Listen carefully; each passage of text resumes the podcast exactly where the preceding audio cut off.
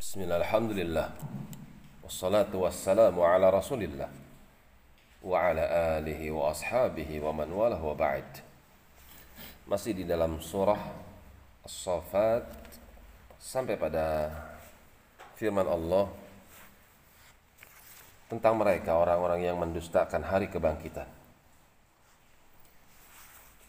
Mereka katakan Kalau kita mati tubuh kita dimakan tanah, tinggal tulang belulang, apakah kita akan dibangkitkan?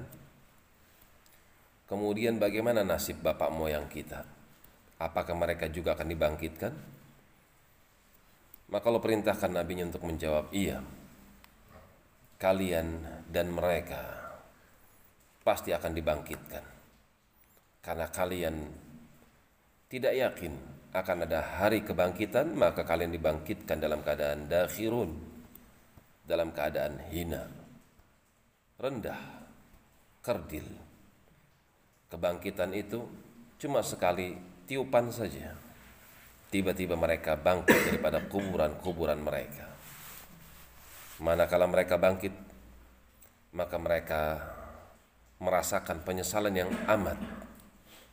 Waqalu mereka berucap, Ya wailana, duhai, celaka kita ini.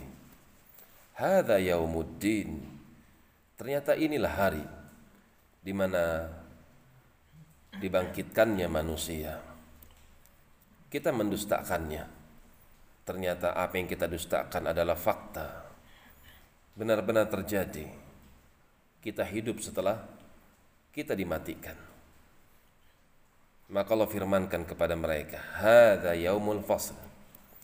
Inilah hari kebangkitan di mana masing-masing kalian akan mendapatkan perhitungan sendiri-sendiri. Alladzi kuntum bihi tukadzibun. Inilah hari di mana kalian mendustakannya ketika kalian di dunia. Maka rugilah mereka. Lagi celaka.